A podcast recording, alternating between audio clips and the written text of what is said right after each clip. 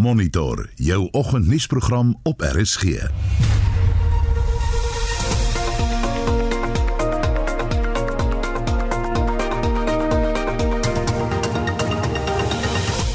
vanoggend se program, inwoners van Bloemhof en Christiana in die Noordwes word gevra om huise te ontruim weens die Vaalrivier se stygende watervlakke. Die Noordwes Departement van Onderwys identifiseer minstens 50 onwettige skole in die Rustenburg gebied. Most of the teachers that operate in the school are also not even registered with the South African Council for Educators. En herstelwerk aan spoorinfrastruktuur in die Wes-Kaap vorder stadig weens begrotingsbeperkings. Welkom by Monitor, ek is Oudou Karelse.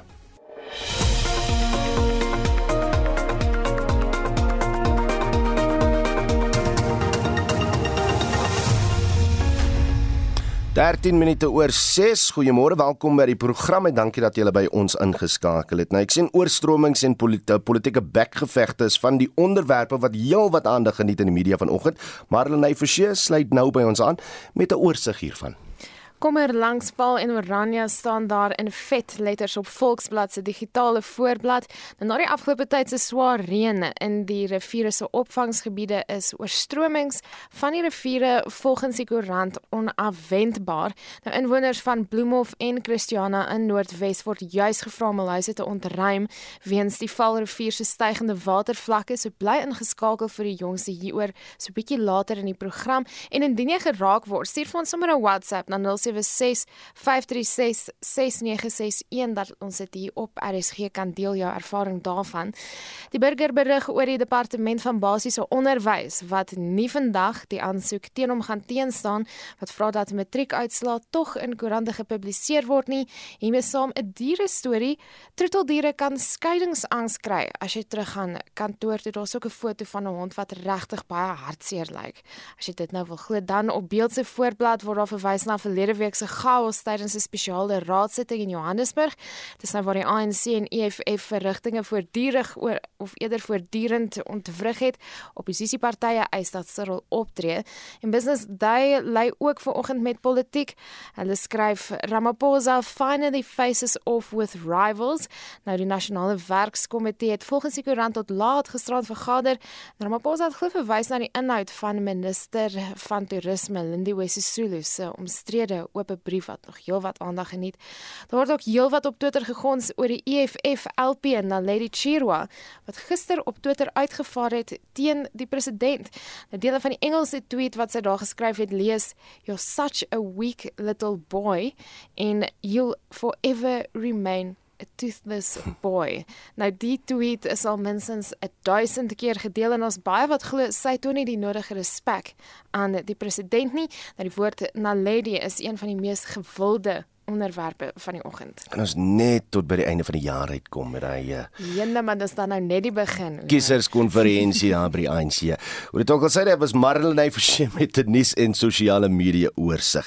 Nou waaroor gaan ons vanoggend bietjie gesels? Wat die polisie begroting gaan volgens berigte oor die volgende 3 jaar met 26 miljard rand gesny word. Volgens een Cameron van Action Society en jy sal bietjie later in die program by hom hoor, sal dit die polisie se vermoë om wet wet en orde te handhaaf nog verder inperk? Ek dink die mense besef altyd hoe ernstig die krisis werklik in Suid-Afrika is nie. Ek dink die ANC het in die afgelope 20 jaar van Suid-Afrika 'n absolute vrot kriminele nes gemaak het sy met korrupsie of ander kriminele wanpraktyke ons sien dat die wetstoepassingsstelsel totaal in duie gestort het en net slegter en slegter word. Suid-Afrikaanse gemeenskappe het nie 'n keuse maar om hulle self te verdedig, te beskerm nie. Hulle moet as gemeenskappe saamwerk teen misdaad en hulle het nie 'n ander keuse as hulle 'n volhoubare toekoms in hierdie land wil skep nie. Nou ons wil by jou vanoggend weet hoe ver jy al gegaan het om addisionele veiligheidsmaatreëls in plek te stel en hoeveel geld het dit jou uit die sak gejaag. En ek gebruik net my situasie, my voorbeeld. Ek bly ek is nou al woonagtig in die huis wat ek tans in bly vir dit sedere 2013.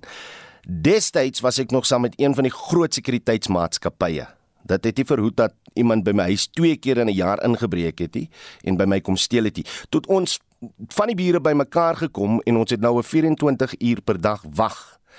Maar dit kos my R1500 'n maand in plaas van die 6 of R700 wat jy gaan bestee in 'n in 'n sekuriteitsmaatskappy. Maar jy het die gemoedsrus en tot dusver soos hulle sê touchwood was daar nou nog nie 'n insident gewees nie. So ons wil weet wat het julle gedoen? Wat doen jy tans uh, om om uh, addisionele veiligheidsmaatreëls in plek te stel en hoeveel geld uh dit jou uit die sak jaag as jy lid is van 'n gemeenskapspolisieeringsforum uh hoe ervaar jy misdaad in jou woonbuurt en is daar 'n toename of afname in sekere tipes misdaad waar jy woon stuur asseblief 'n SMS na 45889 dit gaan jou R1.50 per SMS kos en deel jou mening op ons Facebook blad of WhatsApp vir ons 'n stemnota altyd lekker om julle stemme te hoor op 0765366961 076536 6961. Die departement van water en sanitasie vra dat mense wat langs die Vaalrivier woon, saam met hul munisipaliteite werk om mense veilig te hou te midde van stygende watervlakke. Inwoners van Bloemhof en Christiana, soos julle nou in die nuus gehoor het in die Noordwes, is uh, gister gevra om voor te berei vir ontruiming vanaf vanoggend 8uur. Waarskuwings vir moontlike oorstromings is uitgereik na swaar reën oor die gebied uitgesak het. Vir meer oor die situasie, praat ons nou op op die situasie op grondvlak. Praat ons nou met Sias Meyer, die eienaar van die plek van die Visarendoord in Bloemhof. Sias, môre welkom by Monitor. Goeiemôre. Baie dankie vir die geleentheid. Voorens kom by hoe dit uh, in Bloemhof vanoggend lyk. Ek wil net weet hoe is die ontruimingsboodskap uh, aan mense versprei en is daar 'n aanduiding dat hulle wel agslaan daarop? Uh ja, dit is per uh, uh, SMS deurgegee op 'n voice uh, note. Ons het so 'n groep wat ons het 'n damgroep wat ons hier het langs die rivier af. En dit is gistermiddag gisteroggend so 11 uur uitgereik dat daar 'n uh, moontlike vloed is en dat die manne moet om die mense moet ontruim. Nou gister het reeds omtrent seker so 30 ons kompleks hier die hoek is 'n vakansieoordkompleks, dit seker so 63 huise. En van dit het seker al so 40 mense ontruim. Ek self vanoggend ontruim ek 'n restaurant wat 200 mense sit en ek het 'n lodge hierso. Nou dis 'n redelike operasie om al hierdie goede te ontruim. Ja. Hoe hoe lyk dinge in Bloemhof uh, vandag, Sias? Want dit is die as jy die rivier so staan en kyk waar ek staan en kyk op my stoep, dis lekker rustig. Ek dink nie die helfte van die dorp se ouens weet wat werklik aangaan nie. Uh, ons hier langs die hoek besê wat aangaan, ons moet ontruim. Met besigheid gewys, jy weet ons het amper nog amper nog herstel van COVID nie. Ons het nie banke reg gekom oor COVID stories. Nou tref hierdie as dit oorstroom gaan dit weer 'n ramp wees finansiëel vir ons. Maar ons kyk dit met uh die Here aan ons kant en ons kyk dit met daardie oog kyk ons daarna wat gaan gebeur. So so jy het nou reeds begin ontruim uh, waarheen gaan jy Sias? Uh, ek het 'n huis gekry in die dorp. Uh, toevallig daar is nie behuising in die dorp nie. Nou uh, ons beweeg uit van 'n plek wat krag het, 'n plek wat kragopwekkers het, 'n plek wat uh, surplus water het en so meer na 'n dorp toe wat nie infrastruktuur het nie. Dis 'n moeilikheid vir ons want daar's nie Bloemhof self het redelik min krag. Uh elke dag is daar krag onder bekers en die water is ook 'n probleem in Bloemhof. So jy beweeg uit van 'n luukse plek na 'n dorp toe wat nie dienste lewer nie. Ai, sien as dis dis 'n jammer ek, ek ek wil net uitvind op die oomblik. Tans is daar nie paaie wat ontoegangbaar is nie, maar as ons nou luister na die boodskap kan hy situasie bitter vinnig verander, né? Hy kan vinnig verander 10 jaar terug in 2010, 2011 het dit 'n kwessie van 'n halfuur verander. Ja. Maar dit totaal oorstroom is wat net ons hy net ons strand se dak het gesteek het. Nee, liewe. So dis die situasie waarmee sit jy nie ons daar's onsekerheid wat presies gaan in die agtergrond aan hoeveel water is op pad uit die Vrystaat uit uit die valstelsel het weet ons maar die ander dele die bamboespruit die klompspruite in ons area is heeltemal oorstroom. Nou dis onnatuurlike reën maar ja ons is volgend skuif ek klokstok en barrel soos die ou mense gesê het Ai, Sias uh, voorspoed daar in die dorp. Dankie met die uh, gesels vanoggend. Dit was Sias Meyer, die eienaar van die plek van die Visarenoord in Bloemhof. 22 minute oor 6. Die geregtelike ondersoek na die Life Sedimeni voorval is gister hervat by die Hooggeregshof in Pretoria. Die voormalige adjunkdirekteur-generaal van die Gautengse Departement van Gesondheid se Geestesgesondheidsdienste, Hanna Jacobus, het eerste getuig. Justin Kennerly berig. Jacobus sê nie regeringsorganisasies moes verseker dat hul geboue en toerusting op standaard was voordat pasiënte na hulle oorgeplaas is, maar dit het nie gebeur nie. Jacobus het getuig dat NRO's nie finansiëel bygestaan is om fasiliteite op te rig vir die geestesversteurde pasiënte om van Life Esidimeni oorgeplaas te word nie. Normally when a NGO applies to open up an NGO, the NGO has to prepare must have a place has to prepare the place according to the act and according specifications with their own money and then only the place will then be sanctioned as proven to be correct and can be opened or can or should be closed down. So there is no money from the department side that we could give to the NGOs. So the NGOs are totally on their own to complete that whole process. Volgens Jacobus het dit tydens die oordragtydperk duidelik geword dat sommige NRO's nie gereed was om geestesgesondheidspasiënte te akkommodeer nie. Sy sê sommige NRO's het nie genoeg beddens en linne gehad nie. That is why at the later stage when the patients was already transferred, I realized that the NGOs doesn't have enough, let's say linen for instance. And I contacted Dr. Manamela and then yes, when I said there's not enough linen and all the NGOs are not ready. Then she gave me a name, a factory within Babelegi, and that was where the hospital to look for beds. And then she gave me a name of Mr. Ritz. that will assist with linen. And it took quite some time, I think almost about a week before the stuff was finalized. Jacobus sê daar was ook verwarring oor die aantal pasiënte wat by spesifieke NRO's opgeneem sou word. Sy sê in sommige gevalle is pasiënte sonder toesig en sonder vervoer gelaat om hulle na ander fasiliteite te neem. Die verhoor duur voort.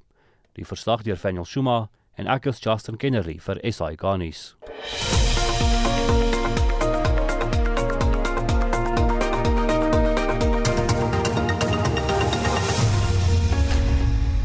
Welkom by Monitor. Die minister van vervoer, Fikile Mbalula, sê die herstel werk om sommige treinstasies in die Weskaap het belastingbetalers sowat 60 miljoen rand gekos. Hy het van die treinstasies op die noordelike lyn besoek om die opknappings te assesseer. Mbalula sê die stasies wat tydens wat tydens die COVID-19 inperking gevandaliseer is, sal na verwagting weer in die eerste week van Maart in werking wees. Justin Kennedy berig. Die reuse taak om die spoorstelsel in die Wes-Kaap te herstel, sal die regering miljarde rand kos. Spoorinfrastruktuur is vernietig in wat Mbalula diefstal en vandalisme noem. Hy sê geboue en seininfrastruktuur is in puin gelaat weens korrupte en onbevoegde bestuurders. Hy sê baie pendelaars kan steeds nie die sentrale spoorlyn in Kaapstad gebruik nie, aangesien mense onwettige strukture op die spoorlyne opgerig het en weier om te skuif. The mismanagement here at Prasa has brought this mess, where in which people were allowed to encroach without any security. Here we are, we are stuck with people who have built shanties on top of the tracks. I've got 20,000 people who are unable to commute through trains in that central line. And these are the poorest of the poor, meaning it's a mess. Balula sê die regering is besig om te onderhandel vir 'n stuk grond waarheen die mense geskuif kan word. Die Prasa raadsvoorsitter, Leonard Ramatlakane, sê die herstel van die infrastruktuur van die 46 spoorkorridors vorder stadig weens begrotingsbeperkings. 20 korridorlyne is herstel en die doel is om vanjaar nog 20 op nasionale vlak te herstel. We realized that we're not going to be able to do it in a year because we don't have the budget. So we'll have to space it out in a year to year so that we are able to do what we can at least do with the resources that we have. Unfortunately, some of this billion we don't have, but we have to spend them. Hy sê die koste om omheinings om die spoorlyne in die Wes-Kaap op te rig word op 'n onbekostigbare 4 miljard rand bereken. Daar is egter stories van sukses. Opknappingswerk aan 6 Kaapstadse stasies op die noordelike lyn is byna voltooi. Die streekbestuurder by Prasa, Kaparo Molefe, sê hulle sal vanaf die 1 Maart in werking wees, 2 jaar nadat hulle gesluit is. Without the overhead terminal equipment, we'll not be able to run these trains. So the work will be finished in the middle of February so that we can finalize our resumption to start running the first week in March. Prasa het ook 12 nuwe blou passasierstreine ontvang. Daar is nou 47 treine in die provinsie. Treinritte is verminder na 126 daaglikse reise in vergelyking met 422 ritte voor Covid. Die owerheid sê hulle volgende groot taak is om pendelaars terug te lok na die spoorwegnetwerk. Hierdie verslag deur Tandisa Mau in Kaapstad en ek is Justin Kennedy vir SI Garnis. Jy luister na Monitor elke weekoggend tussen 6 en 8. Byna 6:30 en in die nuus. Die Hooggeregshof in Pretoria hoor vandag Afriforum se aansoek rakende die publikasie van matriekuitslae op mediaplatforms. Die organisasie FETSA sleep die Oos-Kaapse Departement van Onderwys hof toe. Die eh, organisasie sê skole word nie van hul behoeftes voorsien nie. En tegnologie liefhebbers moet opdog weens 'n tekort aan hardeware wat rekenaarkomponente se pryse die hoogte laat inskiet. Bly ingeskakel hier op Monitor. Yeah.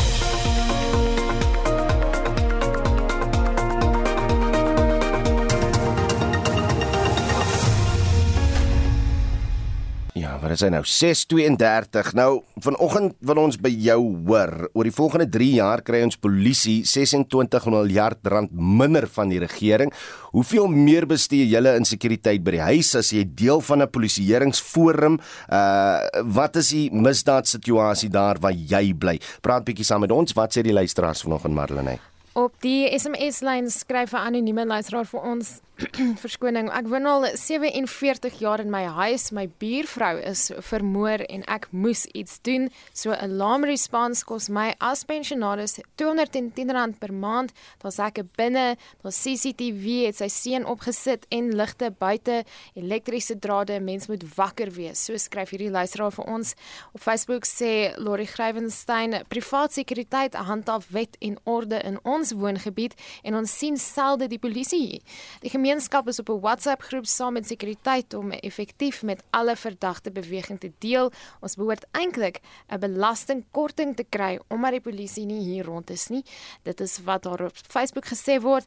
Ehm um, en dan het ons ook 'n bietjie vroeër gepraat van inwoners van Bloemhof en Christiana wat hulle huise moet ontruim weens die Vaalrivier se stygende watervlakke. Ons het reeds terugvoer op ons WhatsApp lyn gekry juis oor hierdie swaar reën. Ja nee, ek het baie simpatie met die boere daar in die Vrystaat en Noord-Kaap. Jy weet daar is sekere dele, daar's koring wat op die lande staan wat sopnat is. Ek het 'n vriend daar, hy sê vir my hy kan ingaan met die trekker, maar hy gaan nie weer kan uitkom nie. En dan ook met die mielies. So dit is 'n baie ongelukkige situasie. Daar gaan baie skade wees. En ongelukkig gaan dit die voedselpryse ook weer opjaag maar ek hoop en vertrou dat die reën 'n bietjie sal terugbly, dat hulle net die land sal bietjie opdroog, dat ons net daai oeste van die lande kan afhaal. Maar alle sterkte aan elke boer wat in daardie situasie verkeer. Dit is European Vryheid. 'n Mooi dag vir julle. Ons praat 'n bietjie later weer oor die kwessie, maar dan ook wil ons weet hoe ver jy nou moes gaan om addisionele veiligheidsmaatreëls in plek te stel. Hoeveel kos dit jou? Kan jy sien dat daar 'n toename of afname in sekere tipe misdaad is wanneer jy deel is van 'n gemeenskapspolisieeringsforum? Kan jy SMS stuur na 45889, dit gaan jou R1.50 kos. Kan jou mening op Facebook deel of WhatsApp vir ons stemnota na 0765366961. Dankie Marlene. Die Noordwes regering sê ouers moet seker maak dat die privaat skole wat hul kinders bywoon geregistreer is. Die departement het minstens 50 skole in Rustenburg uh, se omgewing geïdentifiseer wat nie geregistreer is nie. 'n Aantal skole in Potchefstroom en Klerksdorp is ook uitgesonder. Estie de Klerk berig. Volgens die Noordwes Departement van Onderwys duik vals skole oral in die provinsie op. Owerhede sê die skole het 'n negatiewe impak op die akademiese rekord van diegene wat by hulle inskryf en dra ook by tot die hoë getal leerders wat uitval. Die kurrikulum wat deur hierdie skole gebruik word, is ook nie in lyn met regeringsstandaarde nie. Die regering vereis dat alle skole sy kurrikulum-assesseringsbeleidsverklaringe gebruik. Die ALR vir onderwys in die provinsie, Mapefo Matsimela, sê hulle gaan die ongeregistreerde skole sluit. The Department of Education is worried about the number of private schools that are mushrooming. Particularly around Potchefstroom and Klerksdorp and also Rustenburg in particular. Number one, these private schools that are not being registered with us, they are actually making parents to pay exorbitant fees. Number two, a learner who is been in a private school that is been unregistered may create problems moving forward because when we register a private school, we also make them aware about our curriculum. Die onderwysunie SAPTO steun die skuif. Most of the teachers that operate in the school are also not even registered with the South African Council for Educators. And that on its own, it brings a question in terms of their quality of the work that they are giving to these particular learners. We are fully in support of the initiative. Die vakbond Naptosa se uitvoerende hoof van die provinsie meen intussen die gebrek aan openbare skole in nuutgestigte gebiede is rede tot kommer. Baie ouers kry nie plek vir hulle kinders in openbare skole nie, wat sommige dwing om hulle na hierdie valse privaat skole te wend. This is a very ongoing problem in our country. And also, it's not a surprise that we are seeing it in Rustenburg, given that Rustenburg is an economic hub. And then the more people are in the communities, then there will be a need for that. And that the system does not have as many schools. So the department needs to ensure that they approve within the stipulated time. Die eienaar van Prestige Academy in Rustenburg, Kathy Chambers, sê haar skool het in 2009 oopgemaak. Die skool het 170 leerders vir hierdie akademiese jaar geregistreer. Sy het verskeie kere probeer om deur die departement geakkrediteer te word, maar niks is gedoen nie.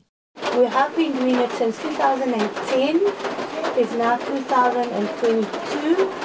We put our last application in on the 10th of January 2022. We still have nothing, nothing back from the department. Die departement sê egter geen skool mag bedryf word as hulle nie 'n onderwysbestuur inligtingstelsel nommer het nie. Die verslag is saamgestel deur Zebulon Maine in Rustenburg en ek is Estie de Klerk vir SAK nuus. AfriForum se aansoek rakende die publikasie van matriekuitslae word vandag in die Hooggeregshof in Pretoria aangehoor. Uitspraak in die saak word later vandag verwag. Indien AfriForum se aansoek slaag, sal matrikulante se uitslae soos in die verlede wel op media platforms beskikbaar eh, beskikbaar wees. Die bestuurder van onderwysregte by AfriForum, Natasha Venter, het gister aan Spectrum verduidelik hoekom hulle die hof genader het uit die aard van die saak is intrinsieke motivering vir studente om te presteer die belangrikste motivering wat daar is, maar daar is ook sekere ekstrinsieke motivering soos om jou eksamennommer in die koerant te sien, te sien jy het behalwe waarvoor jy so hard gewerk het. Ek dink die afgelope 2 jaar veral moes leerders verskriklik hard werk met die COVID regulasies en al die goed wat in skole in plek gestel is en ook die onderwysers dat hulle daai genoegdoening kan hê om dan nou te sien die studente het goed gedoen, die leerders het goed gedoen en hulle het behalwe waarvoor hulle so hard gewerk het. Dis nie oortreding van die poppie wetgewing volgens ons nie want die eksamennommer is slegs bekend aan elke individuele leerder en dan uit die departement uit die aard van die saak. So slegs die mense met wie 'n leerder sy of haar eksamennommer deel sal dan nou kan in die koerante kan bepaal wat die leerder se uitslag was. Intussen word die klas van 2021 aangemoedig om te registreer om al uitslae elektronies te ontvang. 'n Onafhanklike onderwyskenner, Dr. François Nordia, sê dit is 'n maklike proses. Ons twee maniere waar die uh, matriek sal uitslaag kan kry, uh, oor die algemeen. Die eerste een is aanlyn, so jy kan gaan na education.gov.za en daar moet jy eers registreer. So wat jy nodig het om te registreer is jou ID-nommer en dan ook die eksamennommer um, wat jy gaan moet insleutel en dan 'n wagwoord vir jouself daarso gee en dan gaan die stelsel vir jou 'n OTP stuur en dan gaan jy kan net daai two factor verification gee dat jy is wel wie jy sê is en dan gaan jy toegang tot die aanlyn stelsel kry waar jou resultate dan gepubliseer sal word. En dan die ander een is deur SMS waar jy jou ID-nommer en dan die eksamennommer kan SMS na 35658 en basies dieselfde proses. Nordie het ook gereageer op voorspellings dat die slagsyfer tot onder 70% gaan daal. Dit is al moeilik om hierdie tipe voorspellings te kan maak. Ek dink ons groep wat nou matriek geskryf het, het seker die die slegste of die hardste onder uh, die pandemie gelei. Hulle het laas in hulle graad 10 jaar het hulle volledig eksamen geskryf. Ja. Hulle het tydens graad 11 nie regtig te veel eksamen oefening gekry nie en graad 12 was ook weet verskriklik moeilik vir hulle. So ek dink uit hierdie groep teenoor die vorige jaar se groep het hierdie klomp ook minder oefening gekry om eksamen te skryf. Mm. Ek dink ons gaan 'n laer slaagsyfer hê, maar of dit onder 70% sal wees, dit sal ons ons wag en sien. Dr. François Nodia, 'n onafhanklike onderwyskenner. Ek is Justin Kennerly vir SI Garnis. Presies 11 minute voor 7 kom ons bly by die onderwys van die verteenwoordigende organisasie van skoolbeheerliggame FETSAS het 'n klag teen die Oos-Kaapse Onderwysdepartement ingedien omdat hy glo versuim het om handboeke en skryfbehoeftes aan die provinsie se skole te voorsien. Die klag is by die Suid-Afrikaanse Menseregte Kommissie gelê. Ons praat nou hieroor met die uitvoerende hoof van FETSAS, Jaco Deeken. Jaco, môre welkom by Monitor. Hoe erg is die situasie in die Oos-Kaap wat betref leermateriaal? Dink die Ooskaap, die wiele is regtig besig om daardie provinsie af te val. Die uh, gebrekkige leierskap, gebrekkige beplanning het veroorsaak dat 'n klomp leerders hier die nuwe skooljaar gaan begin sonder 'n klomp leermateriaal en skoolhoofde is verlede week net uh, per skrywe ingelig met gaan finansiëel swaar en moeilik en uh, hulle moet maar van verlede jaar se materiaal en geld gebruik om hierdie jaar aankope te doen uh, tot en met die departement handboeke kan voorsien en hulle die laaste datum van aflewering word uh, gestel as Mei maand. Nou as ek nou skool toe gaan, ek kry my eers my handboeke dan uh, is dit 'n geweldige groot inbreuk op my op my regte tot onderwys wat 'n grondwetlike reg is. En en nommer 2, die, die feit van die saak is verlede jaar se geld was te min gewees vir verlede jaar. So daar's niks oor van verlede jaar se geld om die departement hierdie jaar uit te help nie. En dit is nou senior amptenare wat hoë salarisse verdien wat nou veroorsaak dat die kinders sonder boeke en leermateriaal gaan begin. Ek wil juist net vra die die probleem is eh, finansiëel, maar dis nie 'n nuwe probleem nie. Eh, bestaan hierdie hakplekke byna bykans elke jaar of hoe?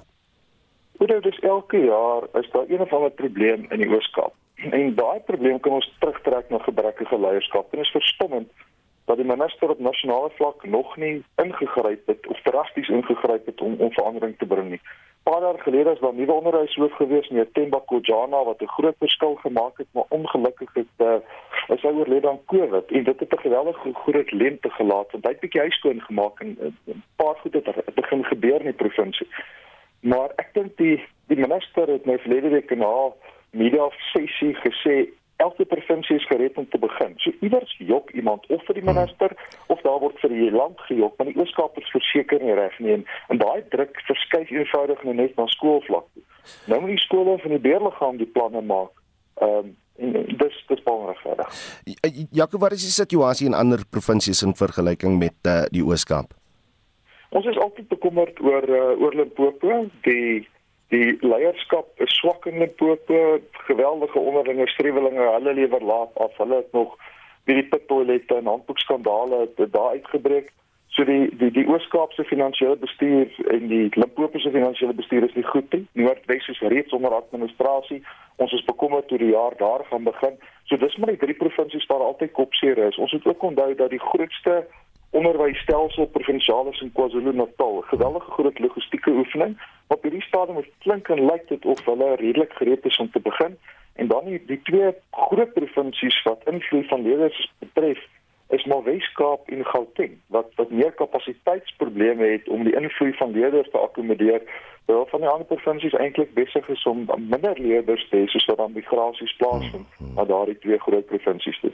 Ja, Jaco, net om die fokus weer te vestig op die Ooskamp. Ek verstaan dat daar ook voor môre se begin van die die nuwe skooljaar assessering gedoen is by 74 skole wat geraak is deur vandalisme. Dit sal seker ook 'n groot impak hê want waar gaan hierdie kinders begin leer in die nuwe jaar? Nou verseker, ek dink die die vandalisering van skole is amper soos 'n vandalisering van die parlement. Dis 'n aanval op daardie gemeenskap en op baie gemeenskapse waardes. En ek dink daar moet 'n kopskuif ook in gemeenskappe plaasvind. Dis nie staatsskole en staatsstrukture nie. Dis openbare skole en dit beteken dis ons. Dis hmm. ons as gemeenskap wat moet kyk na hierdie strukture en hierdie mense moet uitwys met trots wees daarop. Die probleem is in 'n provinsie waar daar reeds geweldige agterstande is op infrastruktuur. Ehm um, kom jou skool nou laat op die lys. Ek meen daar's nog modderskole in daardie provinsie wat wat eers nuwe skole gebou moet word. So as 'n gemeenskap nie self kyk na daardie openbare skool nie, gaan dan niemand anders kom kyk nie en ek dink gemeenskappe moet daar ook maar 'n bietjie uh, hand opsteek om te sê hier het ons onsself in die steek gelaat. Wat verwag julle van die Menseregte Kommissie en hoe vinnig kan hulle uh, in aksie tree? En die Menseregte Kommissie is gewoonlik vinnig daar as hulle publisiteit kan kry. So ons ervaring met die Menseregte Kommissie is nie oral baie positief nie want hierdie probleme in die Oos-Kaap is nie iets niets nie. En die Menseregte Kommissie het nog nie vinger geroer om 'n regte verskil in daai provinsie te maak nie. So ons moet maar vuur maak onder die Menseregte Kommissie om te sê dis menseregte. Dis die kinders se basiese reg tot onderrig wat nou inbreuk gemaak word en hulle gaan iets moet doen. So hulle gaan moet kyk na die leierskap. Ons het alle dokumentasie en bewyse wat ons het aan hulle voorgelê. Ons hoop regtig hulle sal tande wys dat dit staatwerklik gebeur want ons kan nie jaar na jaar presies dieselfde moeilikheid in dieselfde provinsie hê. Dit was Jaco Deeken, die uitvoerende hoof van die Federasie van Skoolbeheerliggame.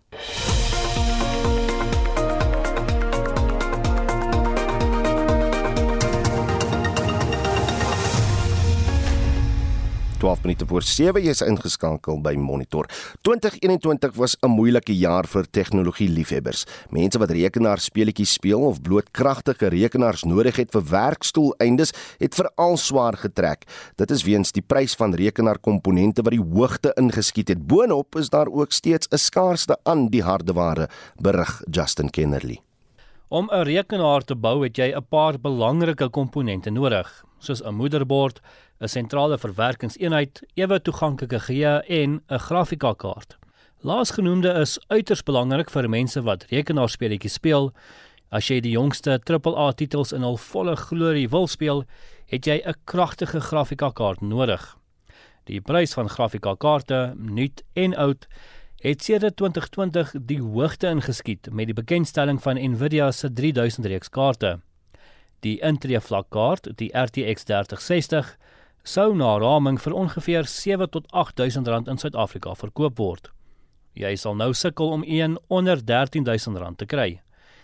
Waar jy in die eerste helfte van 2020 'n ouer GTX 1080 kaart vir 5000 rand kon koop, sal jy nou dubbel die prys betaal. Brendan Jesraftopoulos besit 'n plaaslike rekenaarwinkel, Dreamway Tech. Hulle het eerstehandse ervaring van die gesukkel om komponente teen bekostigbare pryse in die hande te kry. Jace som 2021 se tekorte so op. It was an extremely frustrating year for many in the tech community with stock either being impossible to source or when there was stock available it was extremely overpriced in some cases to extortionate degrees. The year started out on a high note as GPUs and components were still more readily available due to stockpiles within our distribution channels. It seemed as though the SA tech market was somehow avoiding the worst of the shortage that most of the world had been talking about. Then the shortage hit SA and it hit super hard. Going from massive options in terms of components on the markets and tech in general, the offerings started to drop consistently as stockpiles were depleted. This led to where we are today, that being most of the GPUs are out of stock at the moment, and those that are available are often hideously overpriced, and there has been a massive increase overall on pricing. Lesser known shortages, such as panel shortages, affected the availability of monitors and laptops, and things like flash memory affected the RAM offerings as well. But in short, there has been a massive ripple effect that all stemmed from the shortages on the most base level of materials used to manufacture components. Volgens Brent is die buitensporige hoë pryse van grafika-kaarte aangedryf deur Bitcoin miners wat die kaarte gebruik om mee te myn en 'n swak wisselkoers. Obviously with a weakening rand dollar exchange pricing goes up. That coupled with the fact that there are huge import fees with South African customs it tends to make our pricing a lot higher than a lot of people internationally. Shipping containers also really did contribute to the, the pricing spike. The the pricing actually was it was quite terrifying during COVID because there were so many shipping containers that actually ended up not being able to go out into retail shipments because they were either stuck in ports or the companies weren't running at full staff, so they weren't able to get the containers out. The, the price on shipping went up through the roof. With this current generation of GPUs, 30 series, it was massive demand, not only from mining and gamers, it, it, it was a bit of both. Hoekom vervaardig maatskappye soos AMD en Nvidia dan nie net meer nie? Pretty much what happens with the huge demand that there is for 30 series in the world, um, well, let's say for both mining and gaming. And then you've also got businesses and things like that where you're talking about 3D rendering and video animation and things like that. It's made a massive demand for GPU chips, which actually can't be fulfilled at the moment. There's massive shortages on so many tech components at the moment. Semiconductors to, is obviously the big one, but I mean, just just something as basic as sand. you can't get silicone made fast enough to provide for the chips being made. So automatically the cards aren't being manufactured quickly enough. Die tekort tref besighede soos Dreamway Tech ook hard. Dreamware is very much a computer components business, and a big portion of that, especially with the gaming community, is graphics cards. And having the, the fact that it's pretty much been crippled has been a, a massive, let's put it this way, a stumbling block for us to try and negotiate. We have obviously found ways to work around it, and we've had some help from a few of our distributors that have really they've gone out of their way to make it possible for us to source graphics cards even in the hardest of times. But yeah no there, there still has been a massive impact on the business and it's been frustrating but it's one of those things that you just have to try and navigate. Brent deel sy verwagtinge van grafika kaartpryse en voorraad vir 2022 in terms of the forecasts and and everything along those lines it is looking like it's going to be another difficult year for tech from what we are hearing in terms of the chipset manufacturers such as TSMC and things like that, they, they are all in the process of bringing new factories online. So they are saying that they'll only have them up by 2023, which is when their production will obviously increase and therefore they will be able to kind of feed into that demand a lot better. But whether that is the case and whether they run on time or whether they run ahead of schedule, we obviously won't be able to say until it happens we have advised people to just kind of brace themselves for another rough year in terms of tech prices. Jace sê te midde van die uitdagings sukkel talle verwante besighede om hulle deure oop te hou. It's definitely difficult for tech businesses in these times. There are a few that are able to get decent margins. However, they are in the minority and also much larger than your standard online stores and small brick and mortar businesses. Look, there have been people that have shown extreme loyalty to businesses like ours, but the reality is, with the economic situation being what it is, even the most loyal are forced to be more frugal in their spending. That being said, though, the SA gaming market is an extremely passionate one. Most are always willing to upgrade, but some are unable to for financial reasons. Others have leaned toward the second-hand market or switched over to console gaming due to how limited the PC market is in the current climate there are those that are waiting for the shortage to come to an end before they look to upgrade again. And instead of investing in major upgrades, they choose to upgrade items such as peripherals or aesthetic additions to their setups like cases, fans, and whatnot. Nvidia het intussen hulle nuwe Intel vlak grafieke kaart, die RTX 3050, bekendgestel teen 'n prys van sowat R4000.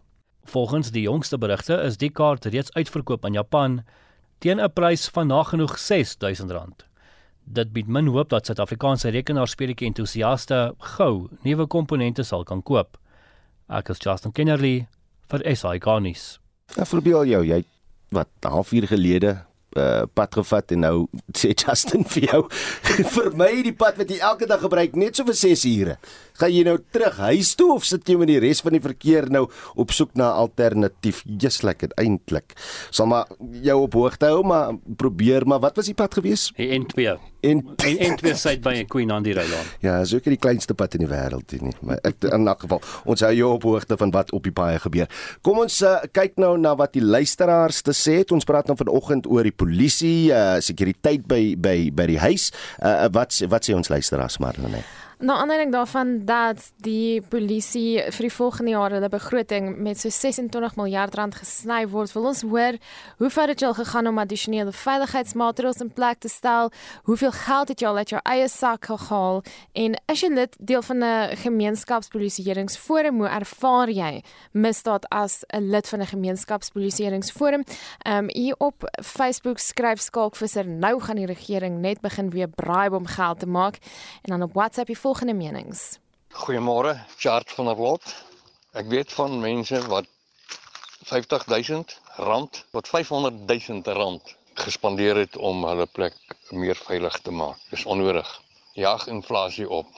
Nou kry jy die elite, die mense in die regering. Hulle het leiwagte. Dit kos geld. Jag inflasie op. Die ANC leer nie. Dit lyk amper of hulle nie kan nie. Lekkie Swart van Pretoria. Daar hoef nie baie aan sekuriteit gedoen te word nie. Ons gemeenskappe moet saam staan en goede aanmeld by die sekuriteitsmaatskappye. Ons verwag altyd die sekuriteitsmaatskappye moet alles vir ons doen. Hulle moet die inbrekers opspoor. Ons moet meer rapporteer dit wat in die gemeenskap aangaan, laat dit geeskaleer word na die sekuriteitsmaatskappye toe en dan so ook 'n goeie verhouding met die plaaslike polisiestasie inbring. Deur net te kommunikeer, dink ek kan ons al reeds baie doen. Maar Martin uit Bellville skryf alle mense by sekuriteitsmaatskappye is nie engele nie, glo my. Nou ek weet nie wat hy daarmee bedoel nie, maar hy het teen teen nie 'n lekker ervaring gehad nie. Dan 'n SMS, ons betaal ten duurste vir sekuriteit per maand, kan nie op die polisie staat maak nie. Hulle antwoord nie die telefone na 12 uur snags nie, so ons kom maar sonder hulle klaar. So ons wil weet hoe ver jy al gegaan het om addisionele veiligheidsmaatreëls in plek te stel. Hoeveel kos dit jou en is jy lid van 'n gemeenskapspolisieeringsforum ervaar jy misdaad in ons woonbuurt? Kan 'n SMS stuur op Facebook gesels of vir ons 'n WhatsApp stemnota nota stuur na 0765366961. Ja, ons praat na 7 oor hierdie situasie, oor die kwessie, maar nou eers die jongste nuus, dis 7 uur. Onafhanklik, onpartydig